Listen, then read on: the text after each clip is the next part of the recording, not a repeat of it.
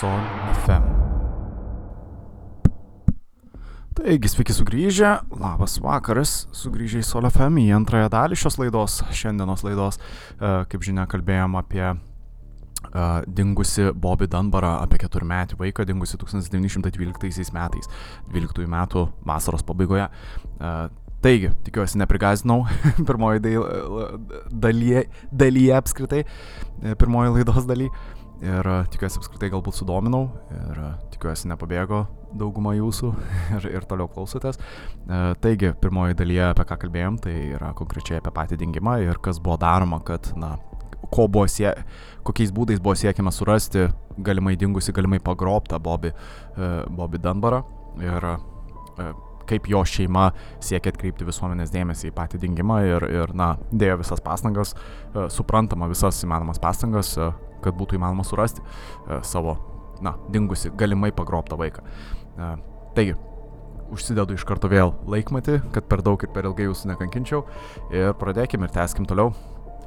E, Taigi, kaip žinia, užbaigiam vėlgi, grinai, grinai užbaigiam tuo momentu, kada Bobio, dingusio Bobio mama buvo atvesdinta atpažinti atrastą vaiką, kuris buvo atrastas kitoje valstijoje. E, Jis buvo atrastas vaikščiantis su vyru, kuris galimai, na, policijos nuomonę pagrobė jį. E, Ir jinai po antrojo susitikimo, jinai atpažino jį kaip dingusi Bobį. Jinai pasakė, kad būtent e, randai ant jo kūno ir tam tikri apgamai buvo, buvo būtent jos, sūnau, jos sunaus. Vėlgi jinai nurodė, kad pirmą kartą jai nepavyko atpažinti uh, savo vaiko, kadangi jis buvo gan išsipurvinęs, todėl, na, reikėjo jį nuprausti, reikėjo jį apžiūrėti ir panašiai. Ir, na, galų gale uh, tą jinai padarius, jinai atpažino kaip savo vaiką. Ir priėmė jau kaip dingusi Bobį. Uh, pats vaikas, pats, pats vaikas, jis buvo, na, nekalbus, jisai vėlgi jam buvo ketveri metai, jis nelabai suprato iš tikrųjų pačios galbūt situacijos, e, nors jo ir bandė klausinėti, ką jisai prisimena, ar jį pagrobė, kas jisai toks, jisai nelabai ką papasakojo iš tiesų ir nelabai leido daryti kažkokią aiškę tiesę išvadą, nors ir taip mes žinom, kad vaikai nepriklausomai nuo jų amžiaus gali būti nuo 0 iki, iki 100, e, tiek vaikai, tiek, na, seneliai, sakykime, bet kokio amžiaus grupės e, asmenys gali būti, na, pakviesti, na, gali būti paprašyta jų liudyti e, tam tikrais dalykais, bet kaip mes žinom, vaikai nėra labai patikimi šiaip liudytojai. Prasme, jie gali prisigalvoti istorijų, jie gali paprasčiausiai nekalbėti, jie gali labai ir ne, neprisiminti daug ko. Apskritai mes, mes pradedam formuoti e, tą tokią kaip ir atmintį ir prisiminimus šiek tiek vėliau e, savo gyvenime. Nors žinoma, yra tam tikrų žmonių, kurie labai gerai prisimena, kas atsitiko jiem būnant ketverių, bet netiek daug, aš nežinau, gal jūs atsimenat, kas, kas vyko jūsų gyvenime, kai jums buvo vos keturi metai, nežinau. Daug kas sako, ne, nesakau, kad daug kas, bet kai kurie žmonės sako, kad taip jie prisimena, bet vėliau patikrinus vis dėlto jie ne visai prisimena. Kaip tik žmonių atmintis, kaip žinia, nėra tokia patikima, tokia gera, nes apskritai mes galim įtikinti žmogų, kad kažkas atsitiko. Tu prasme, mes galim e, iš žmogaus atmintį įkelti netikrų prisiminimų. Tarkime, jeigu aš jums papasakočiau, kad e, prieš dešimt metų, e, prieš dešimt metų buvot susitikęs e, su tokiu ir tokiu žmogum, tokio ir tokio vietoj, ir, sakykime, kalbėjote apie tą ir aną, ir nors ir tai visiškai neįvyko, bet jeigu aš su jumis ilgai išnekėčiau apie tai ir sakyčiau, kad tai tikrai įvyko, jūs pradėtumėt net atsimint tą dalyką, kad iš ties tai įvyko. Ir čia, ir čia nėra tiesiog mano nuomonė, čia yra, na, tyrimai. Prasme, tyrimo meto, metodika, prasme, panašiai čia psichologiniai tyrimai buvo atlikti su šitų reiškiniu. Ir iš esmės taip, žmonėm įmanoma net apgauti juos pačius ir įdėti į jų atmintį prisiminimus, kurių nėra buvę. Prasme, kurie, kur, kurie apskritai nevyko. Realiai žmogų galima perrašyti. Savotiškai galima sakyti. E, ypač, ypač jeigu jisai jaunas, ypač jeigu jisai yra vaikas apskritai. E, taigi, rastas, rastas vaikas, kuris buvo, e, kuris bent jau vyro, su kuriuo jisai keliavo, pasakymu buvo vardu Briusas Andersonas. Jisai buvo atpažintas kaip Bobis Dunbaras ir e, nepaisant to, kad Ju Julia Anderson, e, tariama mama e, Briuso Andersono, bandė, bandė iš visų jėgų atkovoti, vis tiek na, visuomenė buvo nusistačius, kad čia yra pagrobtasis e, Bobis Dunbaras. E, Tai kaip ir minėjau, mama atpažino jį kaip, irgi kaip Bobį, nors ir taip vangiai. Ir priėmė jį į šeimą toliau gyventi. Ir problema yra galbūt dar viena ta, kad Bobis, dingęs Bobis turėjo, turėjo brolį jaunesnį brolį. Tai jam buvo net mažiau nei keturi metai. Ir jisai Bobį žiūrėjo, na, ne visai kaip į brolį, jisai nors ir ne, nebuvo irgi kalbus ir vėlgi jisai buvo, sakykime, 3-4 metai tam, tam broliui, jisai jo net pažino kaip brolio. Bent jau, bent jau taip nurodo šaltiniai, sakykime, apskritai straipsniai ir ta žiniasklaida. Dabar kokia buvo tolimesnė problema? Kaip žinia, pati mama, Briuso Andersono, bent jau to atrasto vaiko, čia, matot, labai yra sunku sudėlioti visą tą įvykių eigą, bet tiesiog įsivaizduokit, kaip viskas buvo, tai kad 1912-aisiais dingo Bobis, ar ne? Tada 1913-aisiais atsiranda, atsiranda į Bobį panašus vaikas, kurio vardas yra Briusas. Ir tada Briuso, to atsiradusio vaiko mama, ji bilinėjasi su dingusio Bobo tėvais dėl, na, pripaži... dėl tėvystės pripažinimo realiai. Čia dėl to. O pats vyras, kuris vaikščiojo su Briusu, jisai yra teisiamas tuo pat metu dėl pagrobimo. Tai kaip žinia, buvo vyko kaip ir du procesai. Vienas, realiai, na, matot, aš amerikiečių sistemos taip labai gerai nežinau, bet įsivaizduokit, kad vienas procesas buvo konkrečiai baudžiamas. Tai vienu atveju Viljamas, tai tas vyras, kuris keliavo su Briusu, tariamu Briusu, jis buvo teisiamas dėl pagrobimo, mažamečio pagrobimo, o tuo tarpu, o tuo tarpu Julia, Briuso mama, jinai siekia, siekia iš Bobio tėvų susigražinti savo sūnų, savo sūnų Briusą. Vėlgi tėvai stojo bylas, sakydami, kad, na, tas dingęs Bobis yra, jis atrodo labai panašiai į, į tą rastą vaiką ir kad jisai iš ties yra būtent tas vaikas, nes vėlgi tie, tie ant vaiko esantis, žy, esančios žymės, įvairūs randai ir, ir apgamai yra, na, panašiose arba to, tose pačiose vietose, kaip, kaip mama prisimena, kaip Bobė mama gali prisiminti. Todėl darytina išvada realiai, kad, na, čia yra Bobis Danbaras, būtent tas dingęs, dingęs vaikas. Prasme, tai ja, buvo padaryta tokia išvada, teismui tai pristatyta visa ta byla. Vėlgi, Julia, Julia, kaip minėjau, jinai nebuvo pasiturinti, Bobio šeima buvo labiau pasiturinti, jinai turėjo galimybių bilinėtis, kaip ir minėjau, pati šeima turėjo galimybių išdėlioti plakatus, bendrauti su žiniasklaida. Na, tai nėra blogai, kad jie yra turtingi ir kad jie gali investuoti tą paiešką savo sunaus. Čia jie nėra nuo to, na, dėl to nusidėjo, aš, aš nebandau jų kaltinti, bet esmė yra tame, kad ta mama, kuri bandė susigražinti savo sūnų, būtent Briusą, ta Julia Anderson, jinai buvo nepasiturinti ir jinai neturėjo net galimybės apsiginti realiai, jinai neturėjo galimybės net savo tą bylą, sakykime, gerai, na, gerai užatstovauti savo toj byloj, jinai neturėjo galimybės nusamdyti advokato, jam tinkamai sumokėti, jinai neturėjo galimybės, prasme, ilgai dalyvauti toje byloje. Kaip žinoma, amerikiečių sistema, na, tos bylos gali žmogų subankrotinti. Realiai net e, dažnai, dažnai toje sistemoje realiai žmonės yra paduodami į teismą net ne su tikslu laimėti, o su tikslu tave, na, finansiškai susidoroti su tavim. Tai įsivaizduokit tokią net galimybę, kad net jeigu jūs būtumėt pripažintas, na, kaip ir teisiu, tarkim, jūs paduodat kažką į teismą, jūs esate teisus, bet tas faktas, kad jūs dabar jau nebeturit pinigų po to viso teismo, jūs realiai nieko neišlošėt, jūs tik, jūs tik pralaimėjot jūs realiai įrodėt savo tie, tiesą, bet kartu ir pralaimėjot, jūs praradot visus pinigus viską. Prasme, nebent jūs kažkiek sugebėjot atsikoloti per teismą, prasme, atsi, atsibilinėti, sakykime, pas mus tai vadinama, kaip būna civiliniai ieškiniai ir panašiai, tai nebent Amerikoje pavyko jums kažkiek išsikovoti pinigų, bet Amerikoje realiai teisminis procesas daug kainuoja. Tai yra labai brangus dalykas. Tai Julia, būtent Briuso Andersono mama, jinai siekia susigražinti savo sūnų. E, per teismo procesą jai buvo, na, pažymėta, kad, okei, okay, atvesim tau, atvesim tau uh, penkis vaikus, kurie yra panašus į tavo sūnų. Čia yra vėlgi labai blogas dalykas, ką, ką galima padaryti. Kaip žinia, kaip žinia atvesdinimas čia, čia dažnai da, da, darydavo seniau kriminologai, tai ta prasme tiesiog atvesdindavo penkis panašius asmenys ir tau kaip liudytojui reikėdavo parodyti, kuris iš jų yra tas.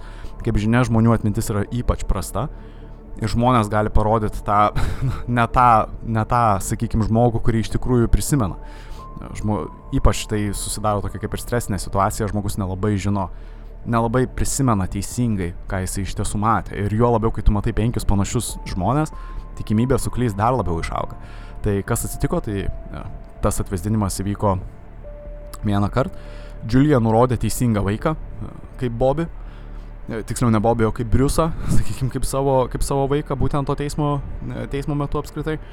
Ir vėliau Džiulija paprašė, e, kad, kad apžiūrėtų tą vaiką, kad gautų jinai apžiūrėti vėlgi patį, patį savo sūnų, tu prasme, dar kartą, bet problema yra tame, kad kai, kad kai jinai pirmą kartą pasirinko Briusą, jinai nebuvo šimtų procentų užtikrinta, jinai bent jau tą pabrėžė, kad visi tie penki vaikai, jie yra panašus ir jinai nebuvo, na, šimtų procentų užsitikrinus, kad būtent tas vaikas ir yra jos, bet pri, prisiminkim, kad, na, jau buvo praėję šiek tiek laiko, tai jinai galimai pradėjo užmiršinėti daugiau mažiau kaip tiksliai tas vaikas atrodė, buvo stresinė situacija, penki panašus vaikai stovi, tau reikia atspėti vos ne teisingai, kuris tavo vaikas yra iš tiesų, tas vaikas pats nešneka ir tau nesako, nesikreipia į tave nieko.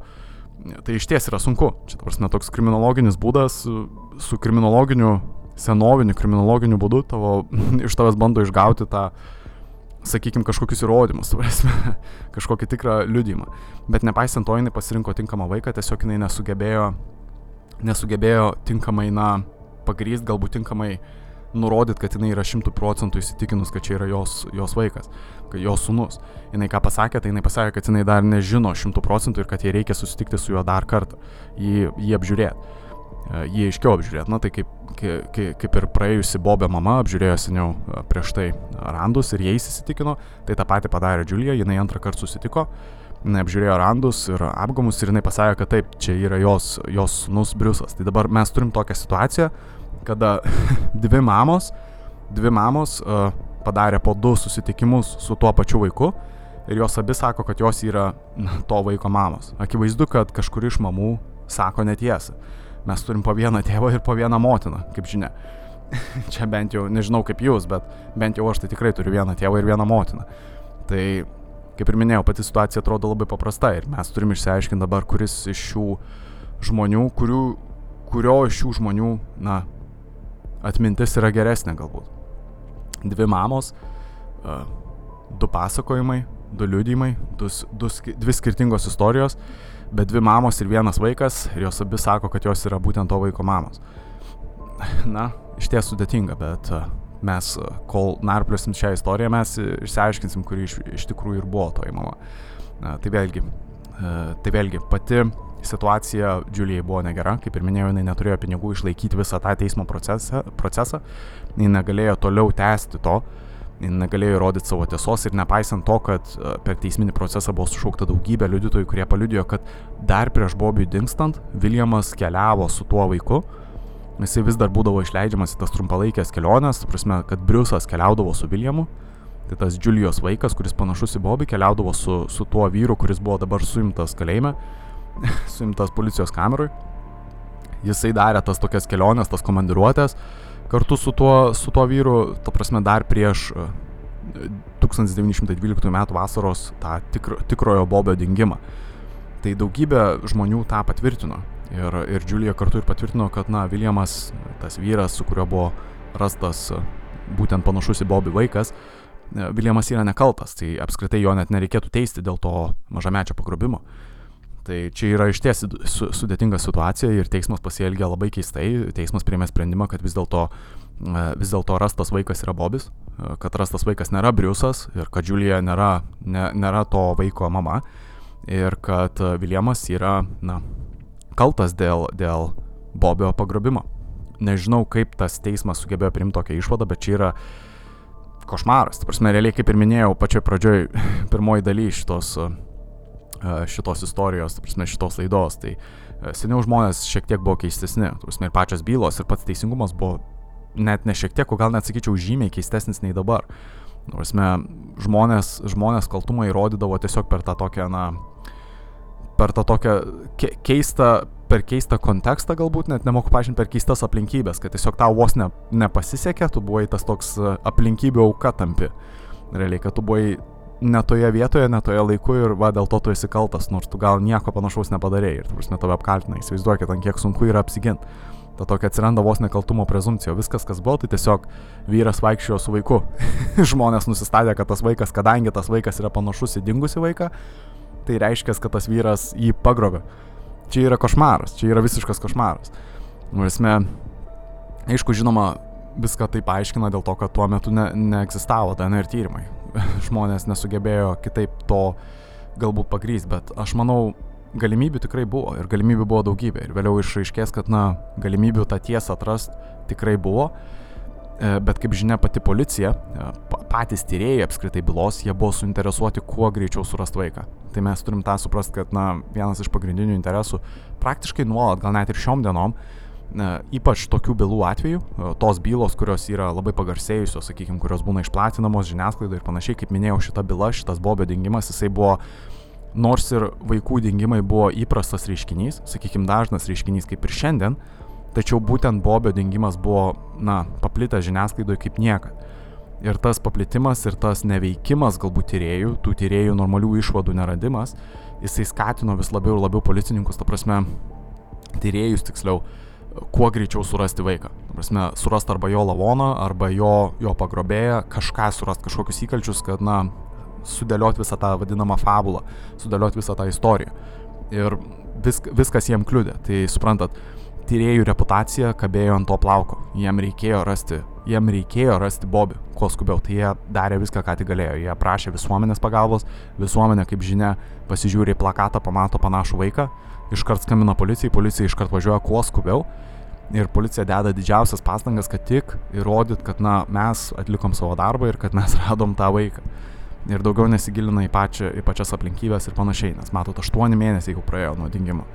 Jie jau deda vis daugiau ir daugiau, vis daugiau ir daugiau dėliojasi tų versijų, kad vis dėlto Bobis mirė.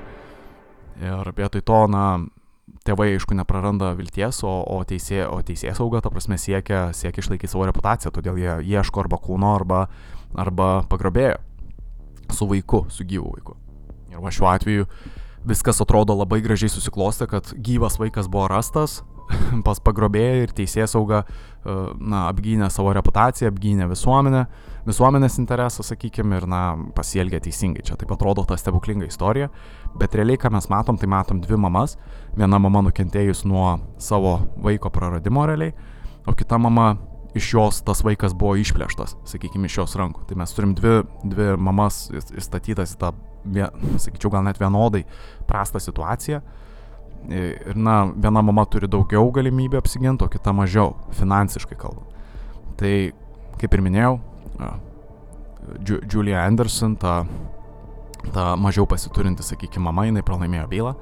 Na, teismas nustatė bent jau teismo nuomonę, sakyčiau, gal šiuo atveju, nes aš labai abejoju, čia galima vadinti tai, kas atsitiko teisingumu, bet teismo nuomonė apskritai, na, Julia Anderson nebuvo, nebuvo to, to rasto vaiko mama, o Viljamas buvo to vaiko pagrobėjas. E, tuo tarpu tas vaikas buvo Bobis Dunbaras, kuris dingo 1912 m. Na, vasaros pabaigoje. Vaikas neištarė nei vieno žodžio, jisai nesugebėjo paaiškinti, kaip jisai sugebėjo dingti toj e, tam ežere, toj pelkiai kažkur netoliese. Na, jisai nieko nesugebėjo papasakoti iš tos istorijos, bet, na, jam ir nereikėjo. Realiai teismas, teismas ir tyrėjai nustatė, kad jis tiesiog buvo pagrobtas Viljamo ir, na, toliau yra istorija. Jis paprašė, paprasčiausiai buvo pagrobtas, išvežtas į kitą valstiją ir, na, keliavo toliau su Viljamu. Iš ties keista istorija buvo sudėliota ir, na, labai iš ties, iš, iš ties keista buvo primta išvada. Tai kaip žinia, policija turėjo interesą, jie, jie kaip ir jį gyvendino, valio, bravo. E, ir kas ir beliko, tai iš esmės žiūrėti, kaip tęsiasi gyvenimas. Tai Bobis, dabartinis tas rastas, ra, rastas vaikas buvo jau vadinamas Bobiu, jisai sugrįžo į Louisianą. E, Luizianos vieną iš miestų, kuriame prieš tai gyveno tikrasis galbūt dingęs Bobis ir jisai pragyveno savo likusį gyveno, gyvenimą kaip Bobis Danbaras, kaip dingęs vaikas. Jisai per visą tą savo gyvenimą daugiau žiniasklaidoje realiai nesirodė. Na, jisai išgyveno iki 1966 metų, pats tas vaikas išaugo ir išgyveno ir jisai realiai a, a, miręs paliko a, keturis, keturis vaikus. A, tuo tarpu a, jo mama, jo galima mama, sakykime, kita, uh, Julia Anderson, uh, jinai uh, persikėlė atgal į Mississippi ir jinai grįžus, grįžus ištekėjo, susilaukė septynių vaikų, visą savo gyvenimą gailėjosi, kas, kas atsitiko su Bobiu, kad realiai jinai pralaimėjo per teismą Bobį ir, ir jinai, na, tą dažnai sakydavo savo vaikam ir iki pat savo mirties realiai. Na, toliau pats Viljamas, kuris buvo uždarytas, sakykime, kalėjime, jisai sugebėjo sėkmingai apeliuoti. Tai bent jau vienintelė gera dalis šitos istorijos yra tai, kad po apeliacijos, na, Viljamas realiai buvo išleistas, buvo įrodyta, kad, na, ne, ne tai, kad įrodyta, bet galbūt jam pavyko apeliuoti Ir teismas nusprendė, kad jį reikia iš naujo, na, Ta prasme, kad valstybė turi teisę jį iš naujo paduoti teismą, ta prasme, jį iš naujo teist. Tai jis buvo paleistas iš kalėjimo ir valstybė galėjo pasinaudoti tą teisę jį toliau teist, bet uh, prokurorai to nepadarė. Uh, klausimas kodėl? Labai paprastas atsakymas iškart iškyla, nes prokurorai neturėjo pakankamai įrodymų. Viljamas, kaip ir minėjau, buvo tas žmogus, kuris buvo ne toj vietoje ir ne tuo laiku. Jis tiesiog papuolė ir tapo aplinkybių auka. Tai vėlgi valstybė sus, susigaudė, kad, prasme, Viljamo, na, Viljamo byla yra vėlgi tuščia jo apkaltinti nėra kuom ir įrodymų, kad pagrįst jo kaltę be jokių abejonių, na, realiai tokių dalykų neįmanoma padaryti. Šiuo atveju tai jie nenuteisė jo toliau ir jį išleido iš, iš, iš, iš kalėjimo. Jį išteisino, realiai taip tariant. Tai bent jau čia vienintelė gera dalis. Viljamas visą laiką pyko ant, teis, ant, ant teisės saugos, ta prasme, ir ant apskritai ant teismų, kad jie su, na, buvo nekompetitingi, netinkamai, netinkamai elgėsi, netinkamai darė tyrimą na, jis visą laiką iki pat gyvenimo galo išliko toks, na, piktas, prasme, gal sakykim taip. Ir kągi dabar grįžtam į dabartį realiai, o dabartie, ką mes turim, tai e, būtent Bobio Danbaro gyvenimą pragyvenęs e, vyras, jisai po savęs, kaip ir minėjau, paliko keturis vaikus. Um, problema yra tame, kad, na, po tų keturių vaikų iš, iškyla visa ta giminė ir tada staiga ta giminė pradeda aiškintis, uh, visas tas, na, istorijas savo giminės. Galbūt kai kuriem, kai kuriem žmonėm, kai kuriem žmonėm pasidaro kartais įdomu uh, sužinot kažką daugiau apie savo tėvus, apie savo šeimą, apie savo giminę.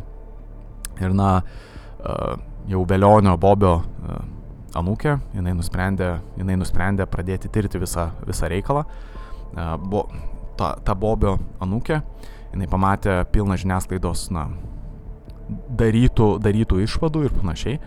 Ir kaip aš minėjau, pati žiniasklaida, jinai, ta prasme, buvo ganėtinai šališka, kas yra labai blogai, kalbant apie žurnalistiką, žu, žurnalistinę etiką, aš tik priminsiu, bet čia e, šiaip dar irgi labai svarbus galbūt faktas, bet e, teismo proceso metu realiai apskritai e, žiniasklaidos, žiniasklaidos atstovai labai paskleidė didžiulę, didžiulę baisę galbūt žinę pačiai, pačiai Julie Anderson, kol Julie Anderson bandė įrodyti įrodyti, kad uh, būtent rastas vaikas yra Briusas Andersonas, jos sunus, o ne Bobis Dunbaras, kuris buvo dingęs.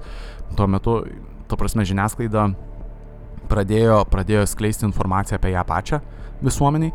Tai ką jie norėjo pasakyti, kad Julija yra, na, buvo susilaukus trijų, trijų nesantokinių vaikų, du iš jų, iš tų nesantokinių vaikų jau buvo mirę jinai neturėjo vyro ir panašiai. Ir tuo metu, kaip ir minėjau, pati ta kultūra, pati ta amerikiečių tokia kultūra apie tokias e, moteris buvo nusistačius labai, na, priešingai. Tarsi amerikiečiai išgirdę, kad, wow, moteris, kuri neturi vyro, e, susilaukė trijų vaikų nesantokoj, du iš tų vaikų mirė ir jinai dabar bando pasimti tą vaiką, jinai neturtinga ir panašiai. E, na, labai prasta nuomonė apie pačią moterį, kad jinai yra apgailėtina kaip mama, kad jinai ir panašiai, na, pradėjo, na, pradėjo sklisti įvairiausi gandai ir, na, iš ties man yra gaila pačios Julijos šiuo atveju, nes uh, apie ją buvo įvairiai kalbama pačioje žiniasklaidoje. Ir man yra keista, kad žiniasklaida, kuri turėtų neskleisti tokių dalykų apskritai ir neprezumuot, kad žmogus yra kaltas, jie pradeda skleisti tokius asmeninius dalykus iš karto apie žmogų, kad nuteikt vos ne visuomenę prieš ją.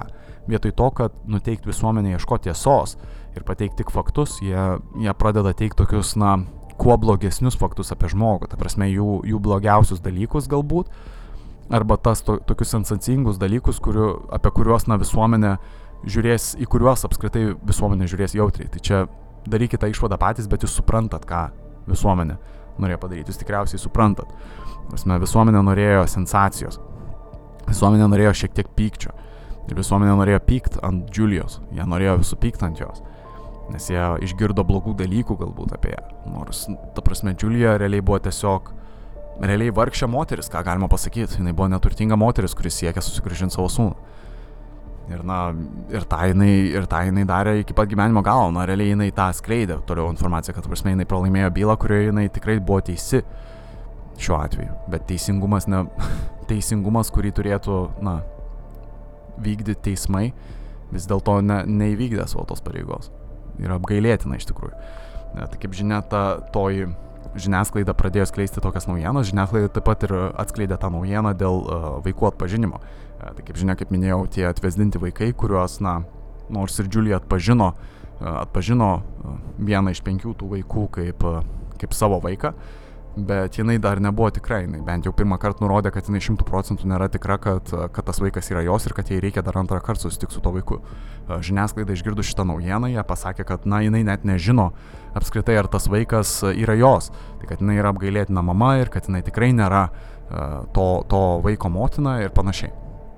Tai kaip matot, pati, visuo, pati žiniasklaida, ta prasme, jau nuteikė visuomenę prieš, prieš Juliją ir realiai, na, teismai, tą, tą matydami, jie, jie nors ir turėtų būti teismas apskritai žiūrint, teisėjai, teismas, prasme, tokie, tokie kaip ir, sakyčiau, visuomenės, apskritai visos valstybės, na, tarnaujantys, ta prasme, pareigūnai vos ne.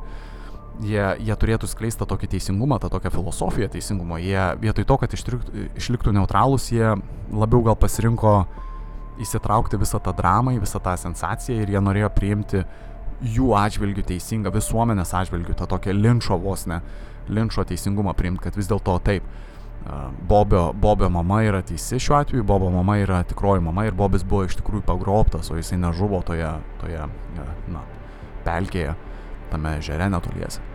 Ir, na, taip, o Julia yra bloga motina, kuri bando pagrobti vaiką. Na, baisus dalykas, baisus dalykas iš ties. Bet taip, Julia neturėjo daugiau santaupų, neturėjo daugiau pinigų ir galimybių, ta prasme, finansiškai apeliuotų tokių sprendimų, kaip ir minėjau tą anksčiau. Ir, na, jinai nugyveno savo likusį gyvenimą, na, pikta. Ir, na, taip. E, tai kaip ir minėjau, buvom sugrįžę jau šiek tiek, atleiskit, kad e, perkeliau, perkeliau per toli galbūt tą laidą į, į praeitį, tai sugrįžkime vėl dabartį. E, tai to užaugintojo, rastojo Bobio Danbaro anūkė jau Velionio Boboda, e, Bobio Danbaro anūkė, jinai nusprendė savo šeimos e, genealoginį medį iš ties ištirti, nes jinai pradėjo, nors ir jinai nuo pat savo asmeninio tokio kaip ir tyrimo metu, jinai, jinai buvo nusistačius, kad, na, Bobis buvo tikrai pagrobtas, nes, e, matot, Bobio, Bobio šeimoje iš, iš karto buvo nusistatyta, kad tikrai tu buvai pagrobtas, viskas įvyko taip, tu buvai dingęs, tave pagrobė šis vyras ir panašiai. Ir na, ši anūkė irgi tuo pat metu taip galvoja, bet jinai pradėdama skaityti tiek žiniasklaidos e, dalykus, tiek ir pačio, pačius faktus bandydama surinkti, jinai pradėjo suabejojo teismo sprendimu, tuo senojo teismo sprendimu. Jinai pradėjo abejoti, kad jos senelis iš ties buvo tas, tas dingęs, tas dingęs 1912 metais vaikas. Jinai tuo suabejojo ir jinai prisiminė vieną istoriją. E, jinai prisiminė istoriją, kurią papasakojo jos būtent senelis. Jisai pasakojo, kad jisai kažkada labai seniai, labai seniai buvo keliavęs, e, jau senelis buvo paaugęs, ta prasme, Bobis e, buvo paaugęs, jisai keliavo pro Mississipę, na, kaip ir žinia, pati šeima buvo šiek tiek labiau pasiturinti, jinai, Danbarų šeima buvo labiau pasiturinti, jie, jie, jie dažnai keliavo, jau Bobis, jau kai buvo paaugęs, jau jis buvo berots suaugęs vyras apskritai, jisai keliavo pro tą vietą, kur gyveno, kur gyveno Julia, jo, na, toji mama, kuri bandė susigražinti savo vaiką. Ir, na, realiai, ką jisai pasakė, buvo gan keista. Jisai pasakė, kad e, pravažiuojam pro žmonės, iš kurių jūs, jūs mane paėmė.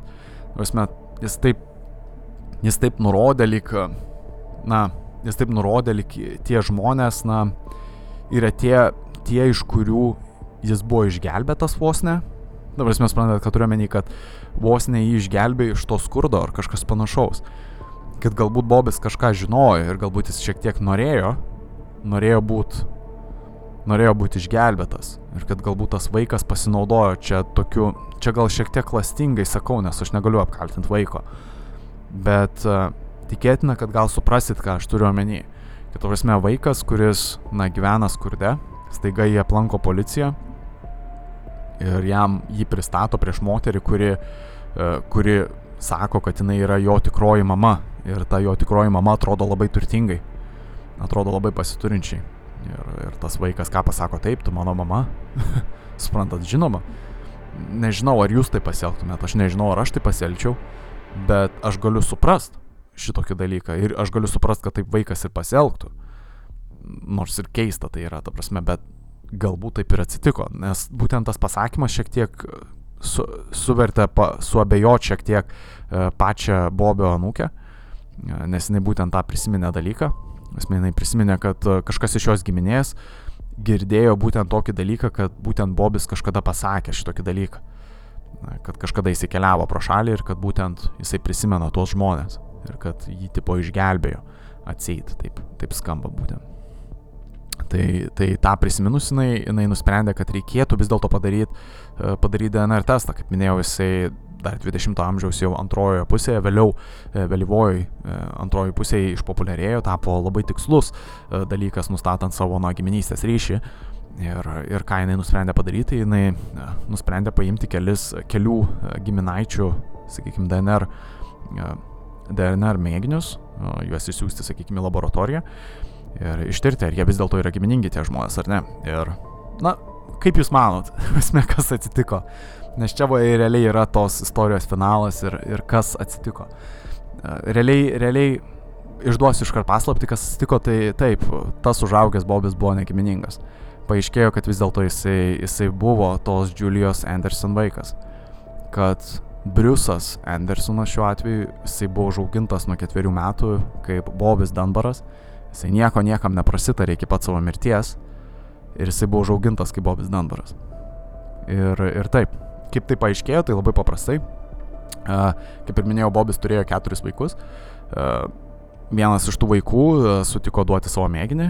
Bobis taip pat, tikrasis Bobis, sakykime, tas dingęs Bobis, kaip ir minėjau, turėjo jaunesnį savo brolį, kuris jo irgi taipogi net pažino, kai jisai buvo atrastas, kabutėse rastas. Tas jaunesnis brolis irgi turėjo vaikų. Tai kaip paprasčiausiai tariant, tai Jeigu aš turiu bro, aš ir mano brolis, ta prasme mes abu turim po vaiką, tai mūsų abiejų vaikai bus vienas kitam pusbroliai. Ir, ir tą DNR tyrimas gali parodyti, prasme, gali, gali rasti tarp jų tą giminystės ryšį. E, tai Bobio vaikas ir Bobio jaunesnio brolio vaikas, e, tai abu du sūnus, abu du berniukai, vyrai, jau suaugę vyrai, e, jie sutiko duoti pamėginį.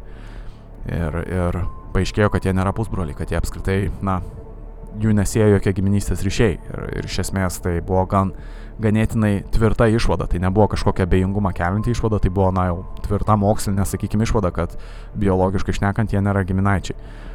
Ir nors Bobis save pripažino, ta prasme, jau, jau mes žinom, kad tai yra Briusas Andersonas, kuris augo kaip Bobis, uh, Bobis Dunbaras, jisai vis tiek save vadindavo amžinai Bobiu Dunbaru, jisai niekad nesakė nieko daugiau apie savo, apie savo, na, galimą giminystę su, su Julia Anderson. Jisai niekad net nebandė su ja susisiekti, kaip žinia, ir na, čia šiek tiek pribloškė žmonės, kas, kad taip atsitiko apskritai. Ir, ir kas dar labiau pribloškė, tai iš esmės ta išlikusi mislė, kad, kas iš tiesų atsitiko tikrajam Bobby Dunbarui. Bet nežinau, kaip jūs manot. Aš negaliu pasakyti, bet aš galiu jums duoti teorijų, aš galiu jums duoti daug teorijų pamastymui. Kaip žinia, mes kalbėjom šiandien, apsišvietėm, apsi, apsikultūrinom, mes pakalbėjom šiek tiek apie tas technikas ir dingusius vaikus ir dingančius, dingsiančius vaikus iki šiol.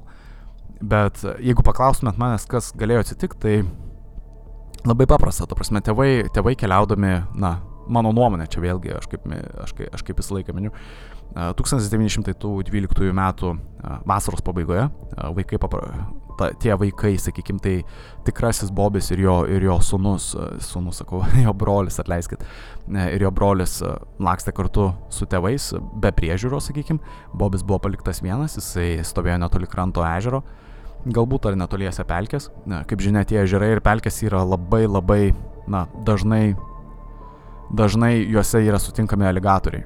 Ir kaip žinia, aligatoriai ir vaikai yra gan blogas derinys.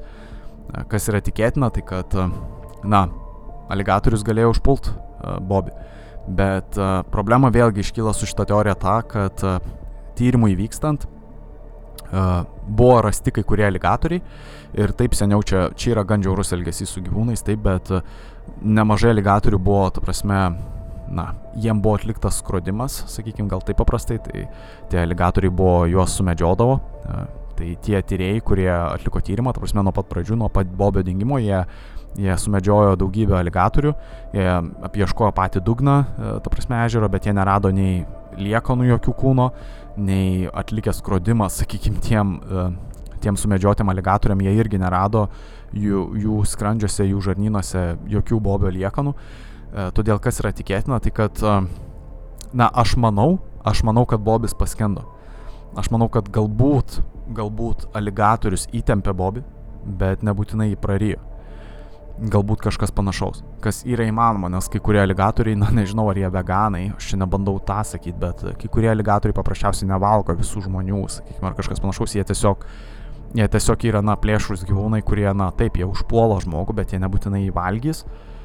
Tai kas, kas galėjo atsitikti, paprasčiausiai, kad jį galėjo galbūt įtemti koks nors plėšrus gyvūnas, patį Bobį vaikščiantį palei krantą į ežerą ir e, Bobis paskendo. Ir paprasčiausiai, kadangi tėvai buvo gana plaidus, jie buvo nutolę nuo savo vaikų, tai yra nuo Bobio ir nuo jo bro, brolio mažojo, jie, jie tiesiog nepastebėjo to, neišgirdo, nei pastebėjo, kaip tas Bobis įkrito į ežerą. Čia irgi viena problema, kad, matot, yra labai sunku nustatyti tą momentą, paskutinį momentą, kada buvo matytas Bobis gyvas. Čia yra vienas iš svarbiausių dalykų, ta prasme, bet kokiam, bet kokiam tyrimė. Tai yra, kada tu paskutinį, kas paskutinį kartą matė gyvą žmogų ir kada, ta prasme. Ir, ir tai nelabai yra aišku būtent šiame tyrimė. Ne, neaišku, kas paskutinis su Bobiu komunikavo ir kas paskutinis matė tą Bobį. Viena iš teorijų sako, kad Bobis buvo nužudytas ir jį nužudė jo tėvai. Apskritai patys tėvai paskandino Bobį. Ir jie tiesiog, na, čia, čia gan keista teorija, bet, ta prasme, jeigu tu nužudėjai savo sūnų, kam tau tada ieškoti toliau. Tai aš šią, šią teoriją asmeniškai netikiu visiškai, bet čia viena iš teorijų kaip pavyzdys aš manau, tik, labiausiai tikėtina galbūt teorija yra tai, kad Bobis paprasčiausiai paskendo. Pats ežeras yra ganėtinai didelis. Na, jo tikriausiai pati, pati, e, pats tyrimas, sakyčiau, nebuvo toks geras ir jie paprasčiausiai nerado jo liekanų.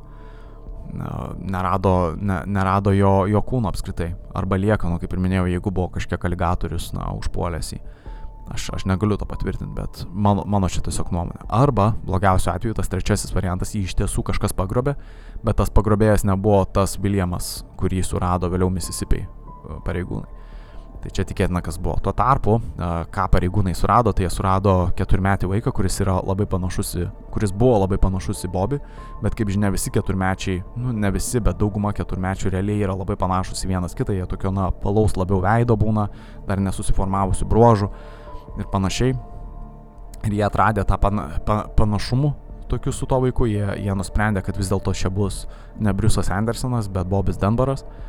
Ir Boba, tas Briusas Andersonas, dar būdamas keturmetis vaikas, jis arba, arba suprato, kas viskas vyksta ir jisai nusprendė apsimesti Bobiu, būdamas dar visiškas vaikas, arba jis tiesiog buvo per jaunas, per mažas, ta prasme, suprast, kas viskas vyksta ir jisai tiesiog, na, na, tiesiog veikia, kaip jam likimas duos jisai nepasirinko kaip elgtis. Jisai nepasirinko prieštarauti ir panašiai, jisai, jisai neprieštaravo viskam, kas, kas jam nutiks ir jisai nusprendė likti su tą turtingesnė galbūt šeima, sakykime, ir aukti su ją. Čia iš ties keista e, klausyti, bet galbūt taip ir atsitiko. Čia yra įdomi teorija, bet kaip ir minėjau, faktai kalba už save, na, faktai labai paprasti, tai vis dėlto rastas vaikas buvo ne tas, kuris dingo. O tas, kuris dingo, tikėtina arba, buvo, ar, arba žuvo, arba buvo pagrobtas arba žuvo, arba jį nužudė, arba buvo pagrobtas, gal taip sakykime. Iš ties liūdna ir keista istorija ir, na, labai daug iškeliančių, na, ta prasme, apskritai daug antakių iškeliančių galbūt e, atsiranda išgirdus šią istoriją, nes kaip tai gali būti. Prasme, kaip, na, kaip žmonės geriau netliko tyrimą ir panašiai, bet kaip ir minėjau, visuomeniai tuo metu buvo svarbiausia ta reputacija. E, Visu, visuomeniai, e, visuomeniai yra svarbu tas saugumas Ir kaip jį užtikrinti, tai yra per tą teisės saugos reputaciją. Tai teisės sauga visą laiką siekia, na, išlaikyti tą reputaciją, sakydami, kad, na, mes ištyriam viską ir mes viską pilnai šimtų procentų išsiaiškinam, saugumo problemų jokių nėra. Ir, na, su saugumu, ta prasme, jokių problemų nėra ir, ir žmonės dinksta dėl tokių ir anokių priežasčių, jų niekas negrobė ir čia problemos nėra na, visada jausies saugiau, kai žinai, kad tavo teisės sauga dirba šimtaprocentiniu pajėgumu, kad jie nėra neapdairūs, kad jie nieko nepraleidžia ir jie nėra neko, nekompetitingi galbūt. Bet čia šiuo atveju manau, kad buvo labai didžiulė, labai daug klaidų padaryta ir labai, na, parodė didžiulę nekompetenciją. Nors net teisės saugos, nes ir vėlgi sakau, tas interesas siekiamas, na, ta didžiulė sensacija, žiniasklaidos priemonės, ta prasme, iš esmės padarė velnę iš Džiulijos nors jinai bandė, bandė realiai susigražinti savo vaiką. Apskritai ir pati kultūra to meto buvo labai keista. Tai, kaip ir minėjau, čia yra keista. Pati visa istorija. Ir, ir gal net ir pačio, pačio Briuso, Briuso Andersono, kuris buvo užaugintas kaip Bobis Dunbaras, na, pačio Briuso Andersono elgesys irgi yra gan keistas. Aš nežinau, ar aš keturių metų būčiau supratęs, kas vyksta aplink mane, Bet aš kažkaip manau, kad aš gal ir kažką būčiau pasakęs, kad vis dėlto mano mama yra ten, sakykime, o ne, o ne šita moteris. Galbūt Briusas žinojo tai ir jisai, kaip ir minėjau, na, padarė tą pasirinkimą, tą tokį galbūt klastingą pasirinkimą ir jisai, na, nusprendė likti su turtingesnė šeima ir užaugo su ta turtingesnė šeima apsimesdamas Briusu. E, ne Briusu, o Bobiu. Matot, jau net aš maišausi, nes atleiskite, jau tiek daug pasakoju. Prasme, kaip žinia, kaip žinia, ta prasme, gyventi su kito žmogaus tapatybė, na, yra įmanoma. Tai nėra kažkas negirdėtų ir daugybė žmonių pasisavina kitų žmonių tapatybę. Bet kas atsitiko tada tikrajam Briusui Andersonui, jeigu, jeigu, ta prasme, kaip teismai reagavo į tą tada, kur yra tikrasis Briusas Andersonas? Na, šito aš nežinau.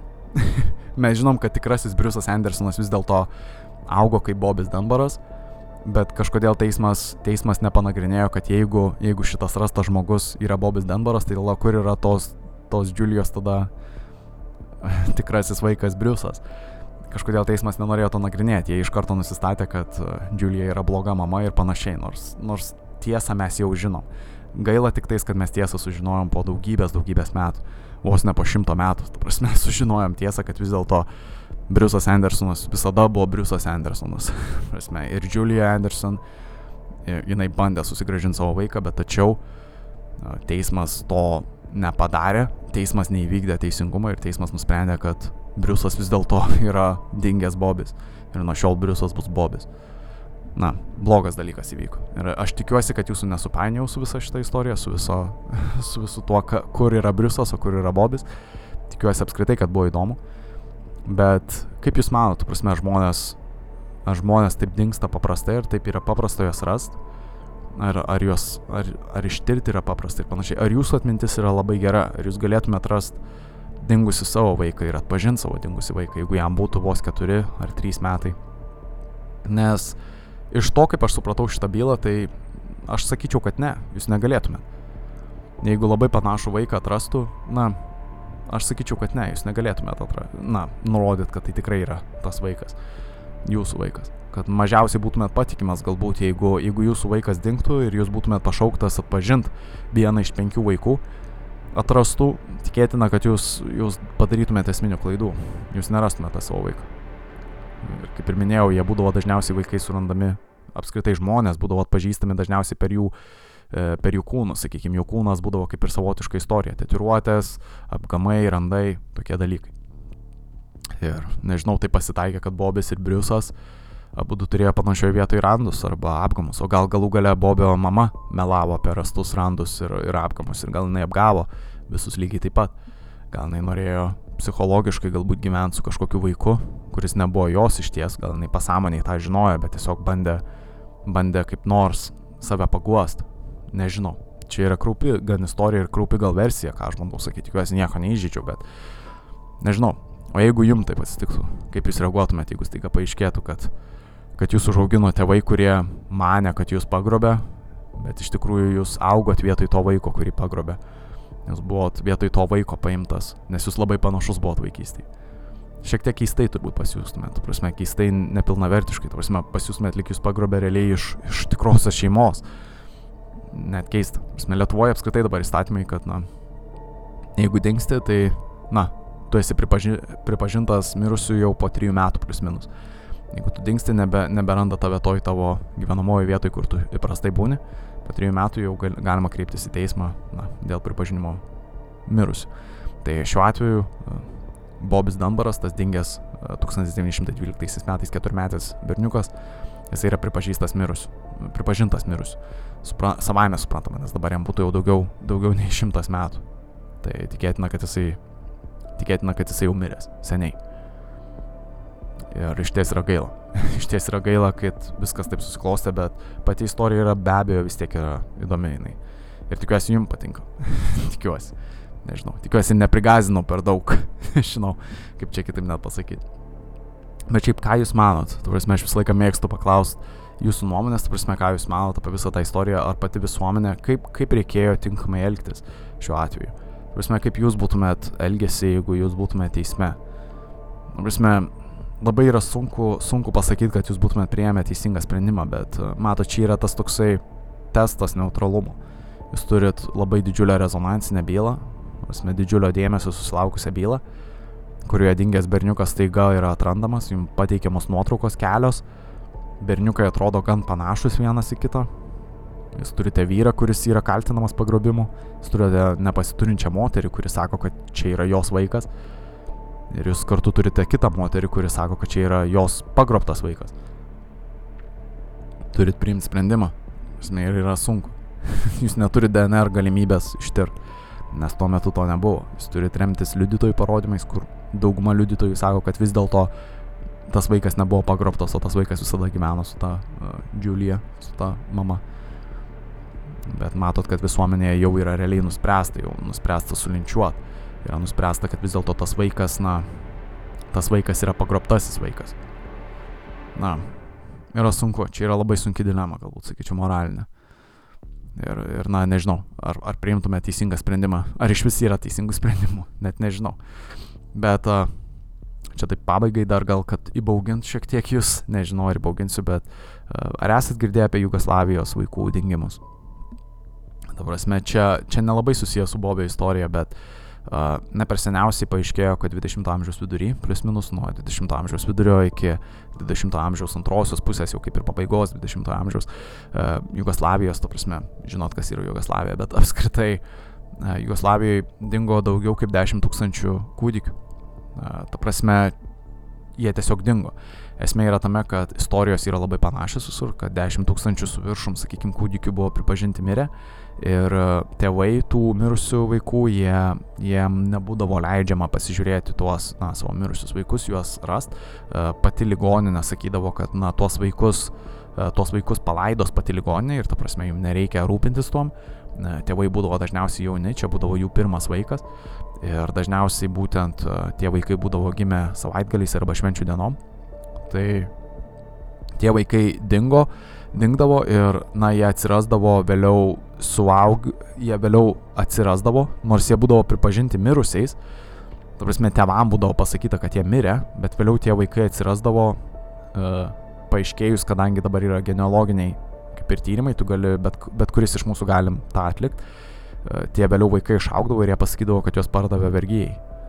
Jie, jie kalbėdavo apie tokius dalykus. Ir vis atsiranda daugiau ir daugiau žmonių, kurie sakydavo, kad taip atsitikdavo. Kad paprasčiausiai tos ligoninės kai kurios, uh, jos čia vėlgi net nesamokslas realiai, bet uh, kai kurios ligoninės, ta prasme, tam regione, ta prasme, apskritai Jugoslavijoje, jos, uh, tos ligoninės būtent darydavo tą tokį prek, prekybą žmonėm. Paprasčiausiai tariant, tai būdavo prekyba žmonėm.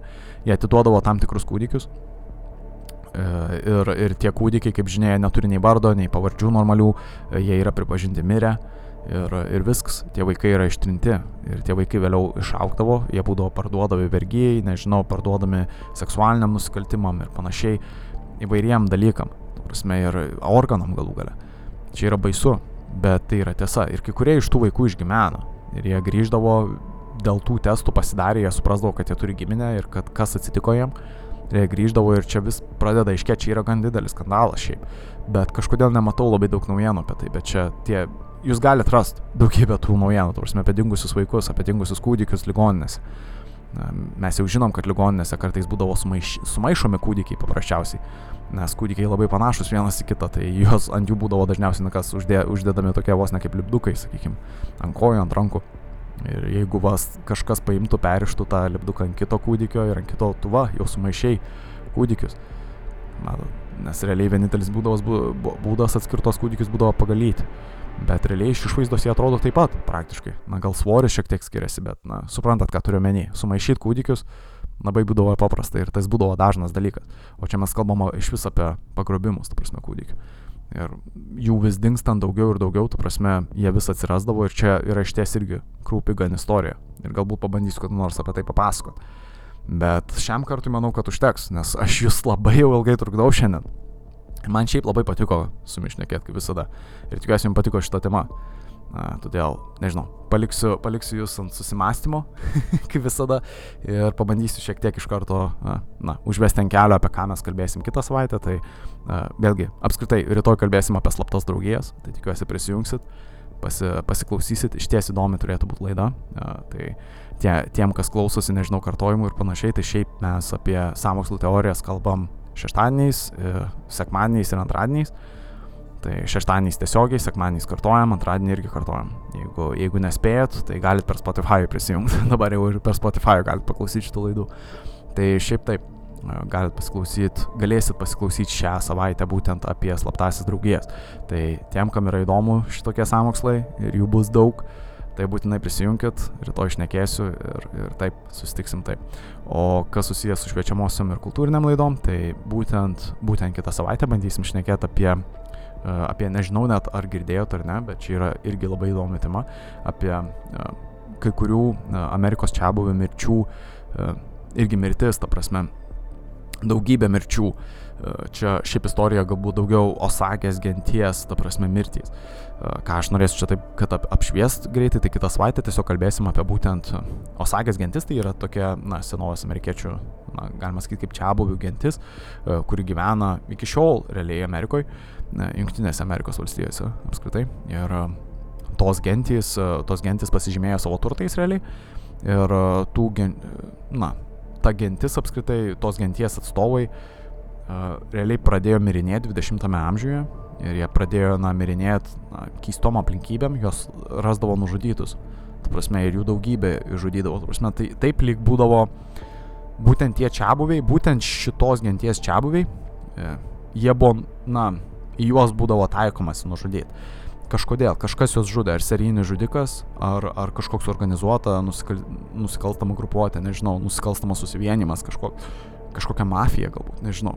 Ir, ir matot, nenoriu nieko daugiau išduoti, bet realiai labai yra įdomi istorija, nes čia šito istorijoje, kas pagarsėjo, tai čia realiai yra dar vadinama šitą istoriją kaip pirmoji FTB tikra byla. tikra FTB byla, nes FTB, kaip žinia, dar tuo metu nebuvo labai tokie kieti, sakykim, agentai, bet jie perėmė tą bylą ir, ta prasme, jie išaiškino realiai, bet čia yra labai įdomi byla ir tikiuosi prisijungsit ir kitą savaitę, o kito laiko parašykit, kaip, kaip, ką galvojate apie šiandienos laidą, parašykit, ką galvojate apie Bobio dingimą, apie Bobio Danbaro dingimą ir, ir, ir savo nuomonę apie tai. Nežinau, tiek teigiamą, tiek neigiamą, aš viską priemu. O iki to laiko palinkėsiu sėkmės, kantrybės, ir nežinau, geros nuotaikos, gerai praleiskit šį savaitgalį arba, nežinau, jeigu klausotės, tai ir gerą likusią darbo dieną gerai praleiskit. Eh, netinginiaukit arba kaip tik tinginiaukit, nežinau, ilsėkitės, džiaugitės gyvenimu, nežinau. O, o šiaip ką aš pasakysiu. Iki, iki kito karto, iki kitos savaitės. Likit su SolFM, išgirskit SolFM ir klausykit geros muzikos, pasisemkit geros skonio. To laiko tai iki viso.